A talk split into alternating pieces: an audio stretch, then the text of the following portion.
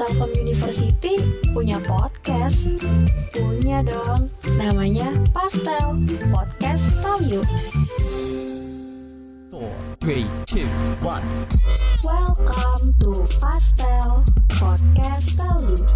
Di sini kamu bisa dapat info dan cerita menarik tentang Telkom University. Podcast ini diorganisasi langsung oleh Direktorat Pemasaran dan Admisi Telkom University. Tanpa basa-basi lagi, now let's begin to our podcast. Hey, Assalamualaikum warahmatullahi wabarakatuh Waalaikumsalam warahmatullahi wabarakatuh. Kembali lagi Di Tell You Vlogcast Sinergi Bangun Podcast Gitu kan masih episode kedua. Masih episode 2 udah mulai kompak ya Tapi ini kan kemarin pakai masker agak ini Gun, Heeh. agak suaranya nggak begitu ini. Heeh. Jadi kita boleh buka masker. Kayak di TV-TV pak Gimik TV. Eh, eh, gitu ya Seperti biasa ya Tell You Vlogcast menghadirkan cerita-cerita receh ya Betul. Dan kali ini kita ada di suasana yang berbeda Kita sore-sore nih, kita sore-sore di asrama. Di bawah pohon mangga yang belum berbuah ya pak Nggak tahu nggak pernah lihat buahnya juga. Ada buahnya kadang-kadang Jadi kita ini di depan gedung 4 Gedung 4 Gedung 4 asrama. Asrama Brimopolda Bukan, Jabar bukan? Asrama Putra. Asrama Asrama Putra. Putra.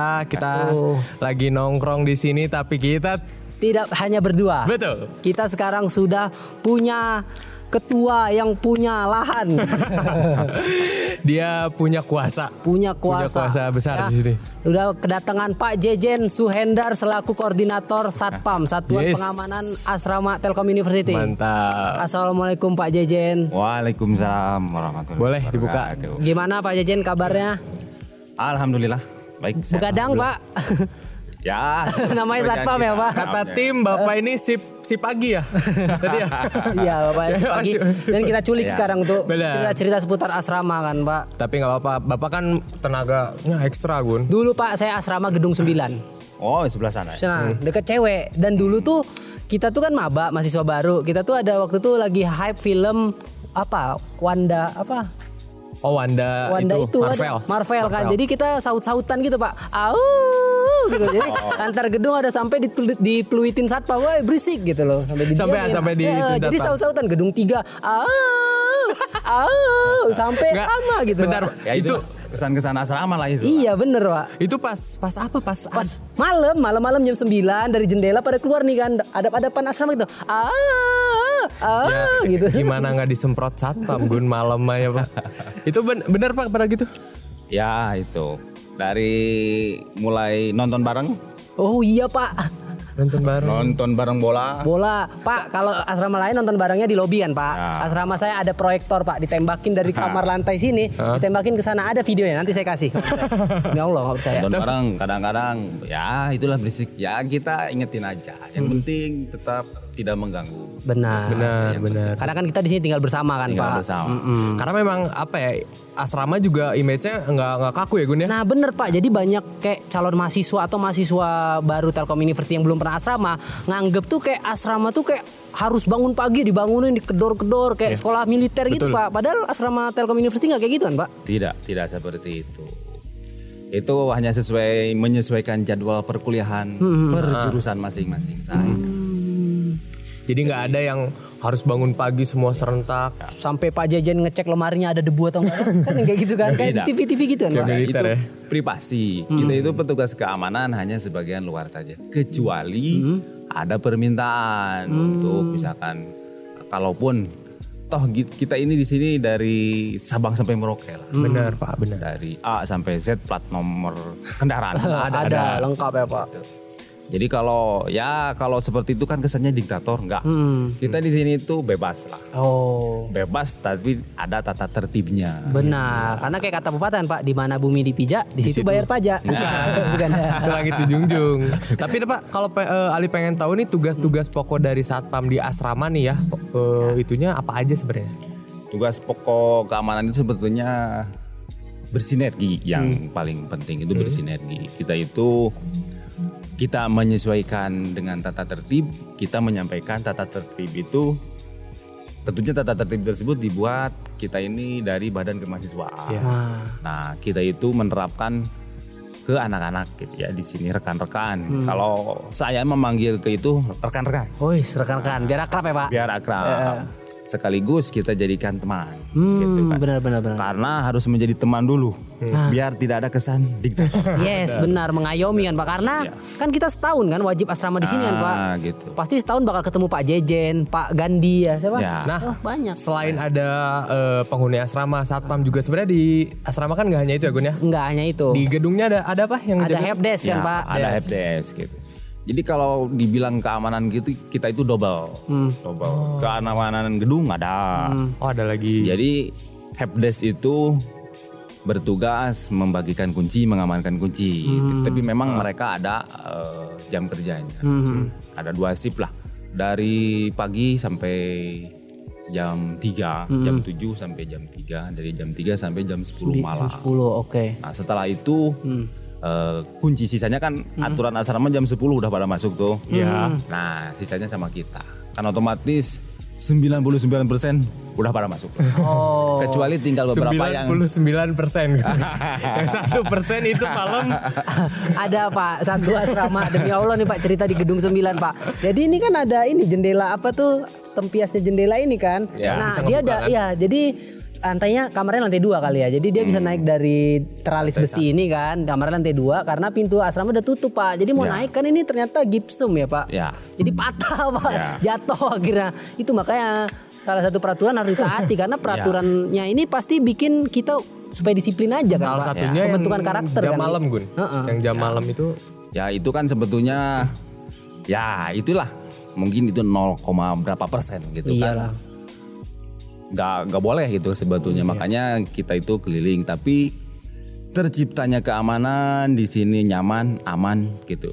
Untuk kita semua ter- terutama sivitas asrama itu kan tidak mungkin sama kita keamanan sendiri. Jadi harus ada timbul kesadaran. Makanya kita dengan sebelum masuk asrama itu kan ada PKKMB kan Oh iya, benar. kita itu selalu titip eh, sampaikanlah sedikit demi sedikit itu tata tertib eh, asrama itu sebelum masuk jadi biar kita pas menegakkan tata tertib itu nyambung gitu Benar benar benar. Karena kan yang tinggal bukan kita sendiri kan. Satu gedung aja tuh ada berapa? 400-an orang lebih ya, Pak? Iya. Sekitar- Satu gedung itu ada 94 kamar. 94 satu kamar empat orang kan, Satu Pak? kamar 4. Jadi sekitar 370 lebih lah. Wah, Dalam banyak satu gedung, banget. Dalam satu gedung. dalam satu gedung. Satu gedung dan ada di lingkungan sini ada 12 gedung kan, Pak? Ya, Yang yang Putra. di asrama putra ini ada 12 gedung. Yang dua gedungnya cewek tapi khusus. Oh. Ya, pagar gitu. Iya. Nah, asrama saya Pak dekat sama asrama cewek Pak. Jadi sering ada kayak kisah-kisah FTV yang antar makanan terhalang oleh pagar. Ya, Ada. itu. Itu bisa di itu ya diintip dari atas ya Gun ya. Iya, Lagi pacaran-pacaran di pagar. Itulah romantika asrama itu seperti itu. Oh, ada ya Pak yang pacaran-pacaran depan lobi banyak kan Pak? yang, yang Yang- yang pacaran setahu pacaran Bapak. seperti yang setahu saya itu kalau ke kita sih jujur enggak. Ah. Cuman ya ya terutama kita itu kan beberapa tahun lah Heeh. sebelum Kebaca. rekan-rekan teman-teman mahasiswa Duluan ini, lahir gitu ya, duluan Pak. kita gitu kan. Ngerti lah kita ngerti. Mereka ada yang belajar gitu padahal ya, ya silakan. Yang penting tidak melebihi eh, jam malam. Ah, benar-benar. betul betul betul. Dan tidak kalau bahasa kita itu nggak bebas-bebas amat lah Iya. gitu. Ini Gun, kan kalau aku tuh nggak serama ya. Pengen tahu nih Pak, hukuman-hukuman apa saja yang diberikan kalau misalkan yang telat dari jam malam. Kan biasanya banyak juga kasus yang baru pulang jam 11 itu banyak cerita oh ditahan dulu saat Disuruh nyanyi Indonesia Raya katanya. Nah, itu kan pendisiplinan saja. Kita eh, menegakkan jam malam itu sesuai acuan tata tertib yang tadi saya sampaikan itu dari Badan Kemahasiswaan. Nah, kita kan nggak mungkin. Sebetulnya itu kalau dari atas itu tegas, tarik KTM, catat, kasih ke sana gitu ke Badan Kemahasiswaan. Cuman kan ada step by stepnya. Karena kita di sini kan keamanan itu 24 jam. Benar-benar. Jadi mana yang keluar malam, yang sering, yang tidak itu otomatis Hmm. Eh, lama kelamaan kita tahu. Oh ini anak ini ada yang habis. Kalau kegiatannya positif toh itu kita dukung. Oh, benar Oh, benar kita benar. support sepenuhnya. Bahkan eh, kita bukakan sampai ke lobby-lobbynya gitu kan. Oh iya iya iya. Makanya kesan diktator atau kesan keamanan itu galak-galak nggak ada. Setuju saya Pak karena teman kamar saya si Ulil. Si Ulil. tuh ada Pak anak anak orang orang Aceh dia Pak dari Aceh. Dia juara-juara robot Pak. Jadi dia sering pulang malam naik kereta api gitu kan. Jadi pulang jam 2 jam 3 dibukain sama satpam karena Ya. bi- bikin robot Pak berprestasi Iya, kan. Berprestasi. Karena bapak juga nggak bisa nyamaratain ya pak ya. Yang bisa. yang keluar malam teh belum tentu ini ya Gun, belum tentu dia ke mana-mana kelayapan nggak jelas gitu kan. Kalau alasannya jelas pasti ya. Kalau alasannya jelas kan kita sebelum penegakan disiplin gitu kan kita tanya dulu habis dari mana gitu kan. Terus kan kesan. Jadi bahasa tubuhnya itu kelihatan kalau yang berbohong gitu kan. Habis ngerjain tugas lah itu eh, alasan klasik Klasik, biasanya, ya. gitu kan. Hey. Ah, dari mana gini gini gini gini misalkan. Kerja Tapi kelompok Pak gitu ya Pak. kalau yang seperti itu ya udahlah. Tapi kok nggak nggak berat-berat sih. gitu. Kecuali eh, peringatan persamaan pertama, kedua, yang ketiga baru. Baru udah, kan. ya itu. Tapi kalau tiap hari kerja kelompok curiga juga kan Pak. Kelompoknya kelompok apa ini gitu kan kalau tiap hari gitu bener. kan. Soalnya biasanya gini, kalau kita tanya beliau itu, misalkan rekan-rekan mahasiswa ini eh, ngerjakan tugas, kita lihat mana yang dikerjakan, terus dosennya siapa. Oh. Nah, nanti kita kompir gitu. Jika memang terlalu sering kita kompir ke badan kemahasiswaan, betul gak ada tugas ini ini. Jika tidak, ya udah. Mereka itu kena sanksi. Kalau masalah sanksi sebetulnya bukan di keamanan. Nah, ka- sanksi yang realnya itu ada di badan kemahasiswaan. Hmm. Jadi bapak cuman apa ya menjalankan tugas saja ya Menjalankan ya. tugas saja kalau kita di sini. Gitu. Jadi ada nggak Pak nama mahasiswa yang udah Bapak inget banget gara-gara dia sering melakukan pelanggaran Pak? Nanti kita sensor. ada pasti ya Pak. Ada, ada. Tapi kan sekarang ini kan COVID Pak, nggak ada mahasiswa dong ya, Ya, Pak. itu kan eh, pengalaman kan. Oh, iya. Ya, pengalaman dari 2013. Karena Hmm. kalau ya, ya terutama saya pribadi ini sebelum asrama, jadi saya sudah di sini. Wah, Belum ada asrama. Sebelum ada asrama. belum ada asrama Pak udah di Dulu sini. saya di teknik, Waduh. eh, di teknik jaga di sana. Hmm. Nah setelah ada ke sini, saya diperbantukan di sini Hmm. untuk ya sama-sama lah menjaga keamanan di sini. Tapi Pak, Ali jadi kepo nih Pak. Suasana yang paling Bapak kangenin. Kita kan libur udah Iya, setahun. udah hampir setahun nih Pak. Kita sepi nih asrama. Ali lihat terakhir ke sini ini masih sama sebenarnya ya, nggak ada perbedaan. Ya. Tapi suasananya kan pasti ada yang dikangenin. Jelas. Jadi kita itu kehilangan teman. Oh iya Pak. Bukan musuh ya Pak? Bukan musuh. Kalau kalau memang kalau sebagian rekan-rekan mahasiswa yang kena sudah kita kena hukum mungkin wah ini satpam ini galak-galak lah atau suka marah-marah gitu. Hmm. Padahal kita enggak. Kita menegakkan keamanan itu pendisiplinan itu untuk keselamatan rekan-rekan. Iya benar sih. Pak. Karena Pak, nggak nggak semua orang Bandung kan pasti ada anak rantau orang tua pasti khawatir juga kan gitu. Pak. Makanya kalau kalau saya pribadi sih, kalaupun pas ada kunjungan lah dari orang tua mahasiswa tersebut gitu kan, lebih sering ditengok itu lebih bagus. Oh benar benar benar. Jadi mereka itu tidak merasa jauh dari rumah. Berarti momen-momen kayak pas orang tuanya ikut masuk ya Pak ya. Itu kan sekarang udah hilang ya Gun ya. Iya. Hilang. Dulu mau mondar mandir orang sini Bawa apa bawa koper. bawa koper terus bawa laundry asrama ya Pak. Laundry. laundry asrama. Dia ada delivery, Pak izin. Awas jangan sampai naik ke atas sampai lobby saja kan seperti Oh, Iya, benar. ini ya GoFood, GoFood, GoFood gitu GoFood ya sama Pak. delip-delip sekitar sini. Oh, jadi boleh juga ya Pak kalau kayak gitu ke asrama ya? kita izinkan, tapi sampai jam di bawah jam 10 lah. Oh. Delivery itu jam 9. Jam 10 itu si rekan-rekan mahasiswanya itu izin dulu ke SR. eh, minta dibukain kunci lobby. Ngambil di depan pos. Itu pun yang di atas jam 10. Kalau sampai jam 9 boleh kita masih izinkan. Oke, oke, Masuk. oke. Hmm, sama sih kangen juga sih Li, sama ke- keadaannya. Saya saya juga kangen Pak waktu itu Gedung 9 tuh pernah semifinal main bola lawan Satpam. Dori. Ini sering banget Pak diobrolin Gugun di eh, di program-program SMB Gugun lawan Satpam. Satpam. Saya Dan bingung. Kita tuh gabung sama gedung berapa? Gedung 2, Pak. Dan ada anak Persipura jadi menang. Iya, itu betul, kenapa betul, bisa betul. terjadi match antara mahasiswa dan satpam? Apakah ada Itulah koles? kekompakan, Oh, Pak. Jadi sivitas asrama, Bro. Ya kan, Pak? Oh. Boleh cerita Pak? Jadi kan sebetulnya Romkap itu Eh, membangun kebersamaan. Domkap. iya. Itu, dulu itu. Memang yang juaranya itu ma- dari rekan-rekan mahasiswa. Kalah kita kalah, ya. kita kalah. Kalah, kalah satpam. Banyak begadang soalnya. Tapi bukan kalah kita mengalah. tidak tidak itu kualitas saja. Kualitas. Kan jelas. fun-fun doang kan, Fun-fun Pak? doang itu kualitas. gitu. Mhm. Jadi, eh, yang saya kangen sampai saat ini, sekarang kan sepi nih. Yang saya kangenin itu kalau pas kontrol ke dalam gedung itu ada yang belajar di lobi. Ya, itu sekarang nggak ada. Sekarang malah nyamuk-nyamuk saja ya. yang ada di asrama itu.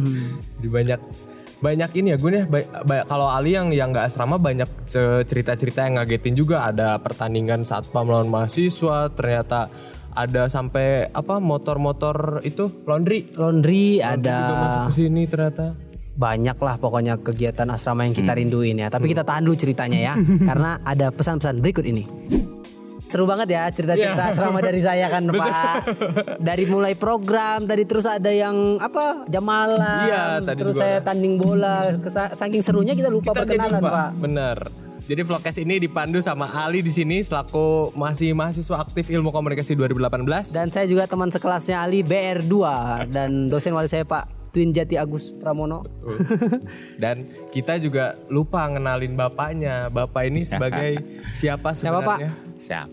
Ah, kalau saya nama saya itu Jejen Zuendar, keamanan Satpam Asrama. Wah, peng- Satpam Asrama, Koordinator, koordinator, yang megang. megang.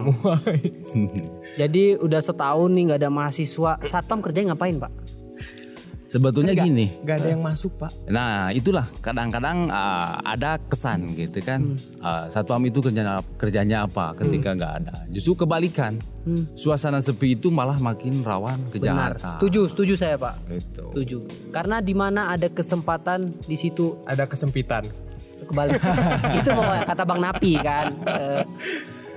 Ada kejahatan Di mana situ ada kesempatan, di situ ada kejahatan. iya, peluang kejahatannya makin Peluang besar kan kejahatan, Pak. betul. Mm-mm. Kalau dulu ketika ramai, kita itu keliling-keliling saja, gitu kan.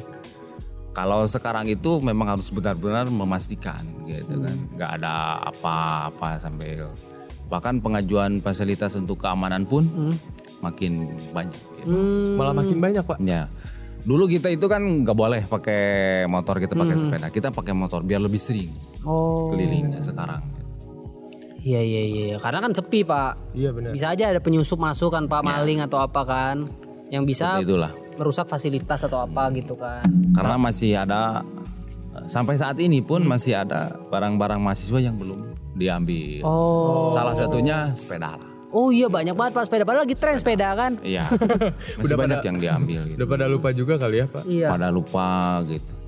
Nah itu yang kita sayangkan itu coba kalau dulu Pak boleh dipakai. Ah, kita pakai buat patroli di sini. Oh. Tapi kan bingung juga ya pak ya mau mau pakai itunya juga gini. Ya, soalnya kita itu gak berani Hmm. kalau tanpa ada izin. Iya iya Gitu. benar. Makanya lebih baik kita gembok, satukan, udah taruh saja dulu. Tapi nih pak itu kan kalau kejahatan itu kan dari sisi makhluk hidup. Iya Pak. Kan ini ini ini tuh udah setahun Pak nggak ditempatin. Setahun Apa nggak takut gitu Pak? Maksudnya ada makhluk yang tak kasat mata gitu Pak. Ya itu kan cerita klasik sebetulnya. Kalau di kita itu, nah saya itu koordinatornya. Ada di atas kita itu eh, korlap. Oh. Kalau kita cerita-cerita masalah gitu dan kita jiper masalah gitu, wah kita dimarahin malah dibusap gitu. Iya iyalah Pak, masa satpam takut hantu ya lucu juga sih. Sebetulnya yang seperti itu di setiap tempat itu ada. Benar lah, Yang namanya juga ini kan kita selalu berdampingan sama mereka kan. Ya. tapi Gun ngomong-ngomong soal horor kita ada gimmick. Apa? Kita bakal minta bapak pilih amplop. Eh, padahal bukan amplop itu Bukan dompet. Silakan bapak dipilih karena ini eh, amplop horor namanya. Jadi kita bakal Singkatannya apa? Amplop horor. amhor. Amhor. Silakan dulu. amplop horor. Yang ini aja. Wah bener. bapak tahu kertas briefingnya di mana? Oke, mantap. Jadi ini ada beberapa pertanyaan-pertanyaan yang harus diluruskan Pak. Heeh. Ini kan muncul eh, apa ya? stigma, stigma-stigma. banyak isu-isu yang beredar kita harus luruskan pak daripada menjadi hoax kan pak Benar, apalagi kalau dari eh, ini kan cerita-cerita yang berkembang di luar kan ya, yang katanya adalah yang jualan sate di lantai 4 eh jualan nasi goreng di lantai 4 pak ada yang geret-geret kursi lah Ya, oke. Nah ini pertanyaan yang pertama ya Peh. Ya, Apa benar Cina asrama Telkom itu horor? kalau buat saya pribadi sih tidak. Uh, gitu kan. benar Cuman dengan satu cara. apa tuh Nah, kita itu harus berpikiran positif saja. nah setuju Berpikiran positif karena sudah ada garis dari sananya. Kita itu berdampingan dengan makhluk astral. Tapi kalau dalam bahasa Al-Qur'an sih jin dan manusia gitu kan. Jin itu sudah ada. gitu. Cuman mereka bisa kalau bahasa saya itu mancala putra mancala putri bisa berbentuk perempuan apa saja yang mereka inginkan. Artinya itu Pak. Ah, mancala putra mancala putri. Nah, kalau bagi kita itu tidak ada. Nah, tapi mereka itu jin yang inseng aja gitu kan. Nah, kita gitu harus berpikiran positif. Dan mereka itu otomatis akan takut sendiri. benar benar benar Tapi kalau kita udah takut duluan, nah mereka malah makin menunjuk- menunjukkan jati dirinya. Nah kalau dari Bapak itu benar dan juga kalau misalnya ada cerita-cerita lain mangga Pak? mungkin pas patroli malam gitu pak kelihatan apa gitu pak ada nggak pak Ya. Kalau saya pribadi sih ah, ceritanya ada sih. gimana tuh pak Kita itu jalan nih oh. dari pos gerbang utama itu jalan ke belakang gitu kan malam. Oh. Harusnya berdua. Ah. Saya itu waktu itu sendiri. Mulai aneh. Nah, kita jalan nih. Udah dari belakang aman sih, belakang padahal yang harusnya serem itu area belakang, belakang gedung 6, 7, 8 gitu. Nah, ini saya biasanya langsung lanjut ke depan gedung 3 ke sana. Zigzag ya Pak? Ah, eh tunggu dulu pak ini posisinya pas sudah nggak ada mahasiswa ah, Masih waktu ada? Itu nggak ada. oh udah nggak ada Udah nggak berarti ada. udah covid ya pak Udah, kopi. Saya sendiri di sini. Pas pas depan genset itu, Hmm? ah, kebetulan saya jalan lewat sini, belah samping gedung 1 2 3 gitu Ah. kan. Nah, ada. Sebentar Pak. Jadi genset itu pusat ini ya? pompa air gitu ya pak Pompa air di sebelah gedung. gedung sebelah gedung 4 Nah, 4 4 belakang gedung 3 nah ada suara anjing lari gitu kan ceng ceng ceng ceng ceng ceng ceng bunyinya itu di trotoar oh. tapi udah deket kirain mau gigit atau apa Oh. saya nengok nggak ada gitu. Suara anjing lari pak Suara padahal nggak pernah ada sejarahnya di kawasan asrama ada anjing ada ya peliharaan pun nggak Nggak ada gitu. kalau suara-suaranya sih ada tapi itu jauh di dekat keluarga gitu. Hmm. saya Malik langsung noleh loh kok nggak ada gitu kan Oh. ya udah aja kita berdoa tapi alhamdulillah kita nggak ada apa-apa Oh. Padahal mah di asrama nggak ada suara anjing pak, yang ada suara buaya pak. Ah, Apalagi gedung 9 mau ke Ah, gedung itu satu. 12 kan. Satu, yang kedua itu kita itu Ada lagi, Pak? Sering, sering kalau kita itu kalau kontrol sambil foto kan Oh laporan ya pak ke grup ya. Nah ini nih. nih. cerita itu. Itu teman-teman saya gitu. Ah. Kalau pas foto, pret gitu. Ada sejenis apa kayak Sekelebat. cahaya sekelebat atau tiba-tiba blur gitu. kan. Ah. Pas foto kedua kalinya terang. Oh. Tapi setelah kita eh, apa Lihat-lihat. lihat-lihat gitu kan kayak di gedung 10 tuh gedung 10 Hmm. ada kadang ada yang duduk lobby ada tangga kan langsung naik nah, ada yang duduk gitu rambut pun tapi setelah dilihat-lihat ah, ternyata itu pantulan cahaya saja Oh. ah ini pantulan cahaya ini Oh. Jadi satpam-satpamnya positif thinking sekali ya. Kayaknya itu masih positif aja itu Bah. pantulan. Suges itu ya pak. ya sugesti saja terus kayak kayak yang kelebat gitu kan Ah. Nah, kita foto nih misalkan mau ke gedung mana tet, ada jet gitu. Semacam cahaya gitu. Tapi itu setelah kita alami dan kita pahami gitu. awalnya sih kita juga percaya itu apa itu? Gitu kan? Ah, wah ini ular gitu kan. Kok ular pak? Ular kan di bawah pak. apalagi menurut cerita cerita dulu di sini itu. Ada ular. Ular itu panjangnya itu bisa mengelilingi asrama ini Mitos rakyat ya pak. Mitos-mitos gitu ya.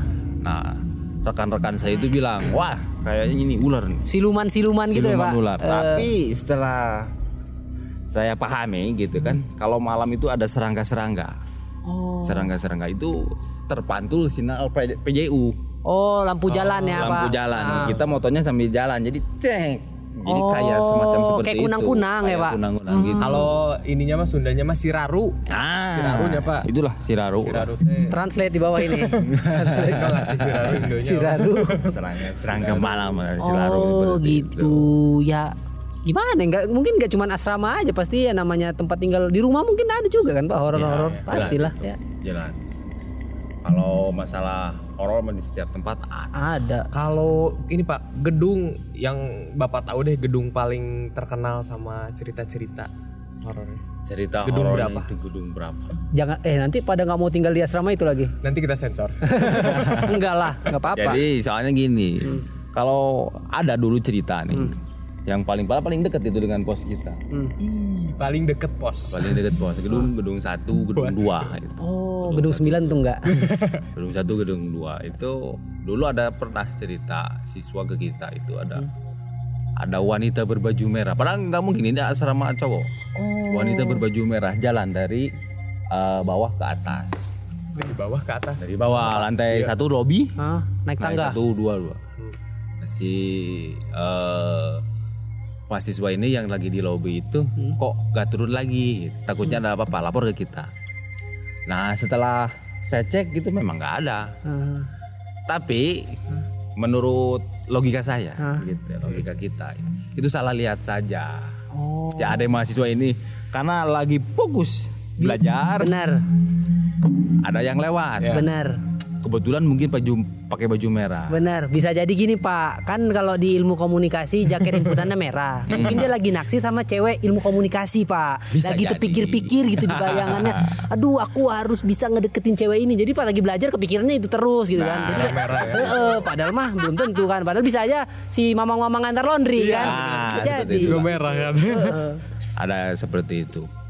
Terus ini teman saya sendiri, teman saya sendiri yang cerita gedung satu nih. Oh. Ah, beliau ini kebetulan hari itu gak punya kuota, Oh. jadi sama beli WiFi Ah. Dia ngirim itunya itu setelah keliling baru dikirim. Ah, Beliau diam dulu di lobi gedung satu. hmm. Ada suara bunyi, bunyi kayak yang Token. nang- bukan, Oh. bunyi yang kayak yang nangis. gitu. Ada yang nangis. Nah, uh, lari dia, lari ke depan. Ayo kita kontrol. Ada apa itu? Ada yang nangis ya? Oh. Padahal kosong. Oke kata saya. Setelah diteliti, gitu, saya eh, cari satu persatu lah. Oh ternyata itu ada di lantai tiga. Hmm. Dan ternyata itu bunyi eh, keran air Hmm. yang bocor. bocor. Jadi ada bunyi semacam nih. Oh jadi kayak ada ruang rongga gitu ya, pak. Ah, Jadi akhirnya seperti itu. Tahu tahu tahu tahu. Dan Tapi emang ya mirip-mirip ya Pak ya Ah, sama mirip-mirip. suara sama suara cewek nangis. cewek nangis. Memang kalau pas awalnya, "Ih, betul juga nih. Yang terakhir aja, yang terakhir nih. Eh, eh. Terakhir kejadiannya eh, Baru-baru ini pak. baru-baru ini, seminggu kemarin lah. Ah. Saya di pos. Ah. Nah, Pak Yang itu rekan saya, Pak Yang. Dia kontrol. Setelah ujung parkiran belakang gedung 4 itu, Ah. ada bunyi di gedung 6, belum, belum, belum sampai tiga kali. Ledakan. Ah, tiga kali. Beliau itu karena kalau sendiri itu gak boleh. Kalau aturan keamanan itu motor itu harus dua. Terus ada saksi. Eh, Dia kembali ke saya ke pos. Ya udahlah, saya kunci aja. hmm. Nah, kebetulan jaganya hanya dua, dua orang. Kan, ke sana. Buka kunci ke atas. Saya cari-cari itu nggak ada apa-apa gitu kan. Ah. Tapi pas kebetulan nih, kebetulan ada eh, salah satu yang tidak dikunci pintu. Oh. Kamarnya itu tidak dikunci, kebuka. Hmm. Dan kalau ada yang tidak ditutup, nih, Ah, jendelanya. jendelanya itu Hmm. ada masuk angin itu otomatis nutup sendiri. Oh, pak. Bang. Nah, bunyinya itu kalau yang saya pahami dari itu. Jadi kalau horornya itu ada. Itu berarti pikiran aja ya pak. Pikiran Kalau kita kita, bawa aja. kepikiran negatif horor-hororan ya kita makin takut ya pak. Nah, seperti itulah. Tapi kita juga harus saling. Jadi nggak boleh jumawa, Hmm, atau nggak boleh ya, Pak, ya. sombong. Takabur ya pak. Takabur. Kabur Tetap ya. eh, mengerti kalau kita itu bersama. Nah, bersama-sama. Tapi Pak Ali jadi pengen nanya juga ketika misal nih ket, apa ngedenger ngedenger suara tadi pintu ternyata ya suara pintu tadi ngedenger kan awalnya belum tahu itu pintu pas bapak lagi pas bapak nge- memberanikan diri buat ngecek perasaannya gimana pak maksudnya ada ada takut gak dikit dikit Apa aja gitu? tolak-tolakan nggak? Eh, lu aja dong. Kalau kita gitu. Mungkin dong kalau satpam gitu. Mana tahu kan kalau satpam gitu juga kan. Ah, kita itu ada ada ada pelatihannya gitu. Kita itu kalau semakin takut pada satu lokasi, Ah. kita ju- justru harus mendatangi lokasi tersebut. Karena bisa saja, bahkan kalau bahasa saya itu belum ada yang mati ditelan hantu, nggak ada. Iya. Bener sih. Kita itu lebih takutnya sama Paling kesurupan ya pak. sama manusianya. Eh, bener bener. Nah, makanya ketika itu saya ke sana buka udah naik aja gitu. Enggak, apalagi kan berdua. Jadi satu orang penakut ditambah satu orang penakut jadi dua orang pemberani. Oh, oh, ada rumusnya ya. Ah, gitu.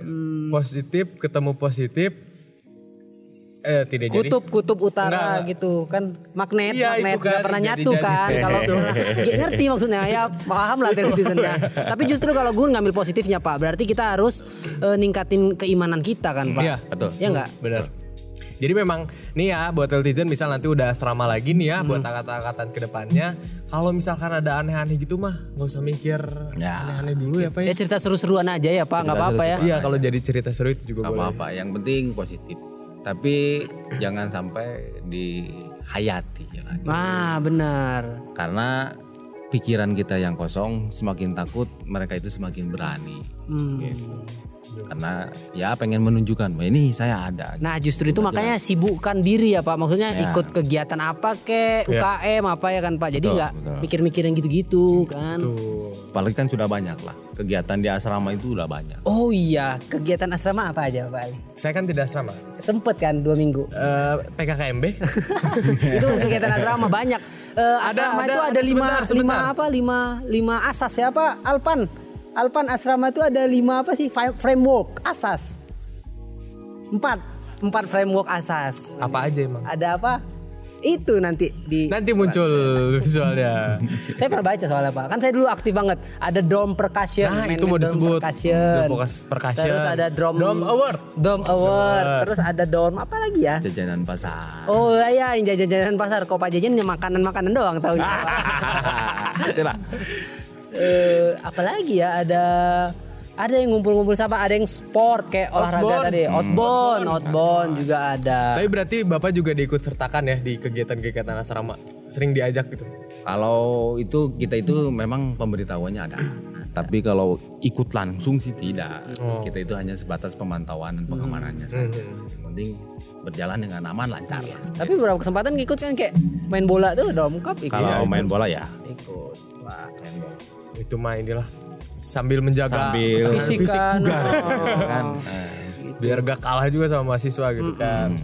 Jadi kita udah ngobrol tadi dari ini Gun, apa? mulai dari yang serius-serius pak hukuman kalau misalnya jam malam kan. Sampai yang horor-horor. Dan setelah ini kita ada konten terbaru Gun. apa tuh Kita bakal main games. Wah main game sama bapak satpam ya. Boleh langsung aja dong. Ayo kita. Gamesnya itu ada beberapa pertanyaan Ah, ah. tentang asrama. Oke. Kayak YouTube banget. Jadi antara Bapak Satpam dan Ali Gun Ah. versus nih ya. Oke. Wah, dua siap. lawan satu ya. Pertanyaan pertama, eh, ada berapa kamar di setiap gedung? 94. Oke. Wajar. Kan mahasiswa. Oke, satu poin. Anda asrama ya. Saya- Kan saya nggak sempet ngukur ngitung-ngitung. Nggak, nggak. harus bisa Oke oke. lawan Yuk, Bapak. Oke. Pertanyaan kedua, Ah. pernah ada coffee shop yang buka di sekitaran asrama? Nama coffee shop? Alumni kopi. Oke. Saya tahu. Ini yang saya ada tendanya tuh. Alumni. Satu-satu. Satu sama. Pakai mobil kan jualannya waktu itu. Iya. Ya kan Pak ada kan? Ada. Ada sempet. Pertanyaan ketiga, Hmm. ini harusnya mahasiswa juga tahu. Jam berapa anak asrama dikumpulkan di depan asrama saat PKKMB? Jam 2. 23 kok 20? Oh 23. Jam 2.30. Ya betul. So, Oh, 230 ya? 230 ya Pak? 230. Eh, pertanyaan terakhir, Iya. ada gedung yang sering digunakan belajar oleh anak asrama namanya gedung apa? Domol. Oh, oh, do- oh ada. Gak muncul loh di Gak kepala muncul saya. pak, karena emang kita eh, nggak suka belajar kan pak. Jadi kita nggak pernah pakai gedung itu pak. Oh ternyata di kawasan asrama itu nggak cuma ada asrama ya pak. Ini buat televisi juga. Jadi di kawasan asrama itu ada dom hall ya pak. Ya. Itu kayak aula gitu ya pak. Dormitory hall. Nah. Itu khusus untuk ada-ada mahasiswa penghuni asrama untuk berkegiatan di sana. Hmm, jadi nggak cuma belajar. Belajar bersama. Mau kegiatan apa-apa di sana boleh. Hmm, kadang ada juga yang latihan nari gitu-gitu ya Latihan pak. Ada nari, kelompok seperti apa apa, ya. boleh, main drama boleh. ya. Nah pak, sebelum ke penutup, eh, selain tadi kita udah bahas gedung, ada eh, dom hall, ada fasilitas apa lagi pak? Sebenarnya kalau? Swalayan kan pak ada kan ada dua ya. Ya. Kita itu ada eh, timat lah. Timar. Timat satu di belakang, berikut kantin di belakang. Di belakang ada kantinnya, Terus yang di depan ada toko TJ Mart. Hmm. Ya mungkin itulah untuk fasilitas. Kalau di dalam gedung sih kayaknya ada sih yang di Kalau yang di dalam gedung ya standar ya Fasilitas pasti standar ya. televisi udah pada tahu ya pak Udah ada lah, kasur kan pak lemari meja belajar gitu Ya, kan dispenser juga udah ada Pokoknya ada ya di lengkap juga di YouTube-nya. sih. lobinya juga udah nyaman kan pak lobinya Iya. ada TV ada sofa di setiap lobby sofa ya. seru lah Sama terdekat adalah Landmark Tower. oh iya ini belum mau asrama jadi ya, ya Pak. Pak Udah mulai. dulu pas saya mahasiswa baru tuh masih peletakan batu pertama loh pak Ya. dua tahun yang lalu sekarang udah mau jadi udah mau jadi. Sekarang lagi tahap finishing lah. waduh bentar lagi nih Pak, ya, saya ada satu lagi pak. Boleh, Ini silahkan. kepo pisan boleh pak. Ini boleh saya pengen tahu mangga banget. sok mangga Pak, bedanya seragam biru sama putih. Soalnya yang di depan saya lihat putih pak. Tapi nah, kenapa bapak biru gitu? Apa bedanya? apa karena belum di laundry gitu pak Jadi kita itu ada sip sipan ya. Ah, Kalau si pagi Hmm. seragamnya biru putih. Oh. Disebutnya PDH. Oke. Nah, kalau untuk sip malam ada PDL. Ya inilah PDL. Oh, warnanya itu. Ada biru. Nah, kebetulan saya itu masuknya dari sip siang. Hmm. Sip siang itu ada dari jam 3 sampai jam 11 malam. Maksudnya kategorinya malam. Jadi boleh menggunakan pakaian PDL. Hmm, ada filosofinya juga li. Jadi kalau misalnya patroli kan nggak kelihatan ya pak. Kalau ada penyusup penyusupan Ya. warnanya gelap gitu loh. Jadi iya, nggak bener. menyolok warnanya. Jadi kalau sekarang itu bahkan kita itu seragamnya itu udah diresmikan oleh Kapolri. Hmm. Kita itu seragamnya mirip polisi. Oh iya yang warna coklat ya pak yang baru. Sekarang yang baru. Hmm, ada. Kita belum di sini. Hmm, Akan segera nanti ya pak. Mudah-mudahan. Menarik juga nih. Wah seru banget ya pak. Kayaknya kita harus jadi buat uh, televisi nanti harus perbanyak mendekatkan diri dengan satpam. ya, Pak. Tapi emang bener Gun, kan tadi motor juga bisa dititip ya Pak kalau mau ke mana-mana Jadi gitu. pada apa? Izin juga lebih gampang. Jadi itu dia tadi Gun. Mm-mm. Banyak banget insight baru yang kita dapetin ya. Yes. Ternyata eh, Sisi lain kalau kita banyak orang nganggap galak-galak ternyata itu bentuk sayang satpam ya pak. Ya. Justru bersyukur karena orang tua kita jauh masih ada yang memperdulikan kita yaitu bapak satpam ya pak. Terima kasih lah bapak satpam. tuh. Jadi lebih kenal, lebih sering ketemu, kita lebih kenal. Jadi tahu, oh kenapa ini? Ada mahasiswa ini nggak kelihatan hari ini. Ya siapa tahu tak sakit. Nah kita benar. kompir nih ke petugasnya. Ada nggak tuh? Sakit nggak? Nah, ya salah satu fasilitasnya kita anter Oh, mereka ke iya. klinik. Lumayan kan, 24 jam gitu kan. nggak usah jalan ya. Diantar pakai motor sama bapak satpam.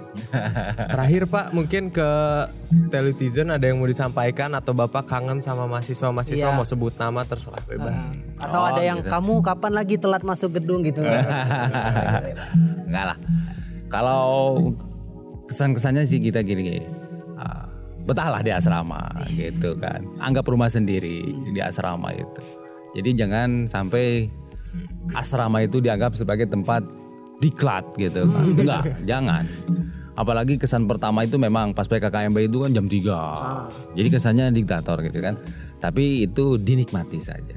Tapi makin lama ke sini makin enak lah. Saya yakin ah, untuk untuk ada mahasiswa yang rajin belajar pasti betah di sini gitu. Karena lebih banyak tempat atau teman-teman untuk ditanya. Benar, banyak tambah dari jurusan ilmu. lain ya pak. Nah, dari gitu. daerah lain juga ada. dari daerah lain. Karena kita satu kamar tuh random ya Gun. ya? Random banget. Justru kalau masuk asrama jadi banyak cerita ya pak. Ya, banyak cerita lah. Iya. Mudah-mudahan yang positif-positif. Amin. Amin, Pasti amin, so- amin. selama Gugun tinggal di asrama sih alhamdulillah positif positif pak. Hmm. Kan ada pengajian kan? Iya, aja. kita sholat maghrib berjamaah loh pak di gedung 9 di bawah di lobi ada Betul. Malam Jumat ngaji. pengajian bareng, yasin bener. bareng. Ya, mungkin itu sih.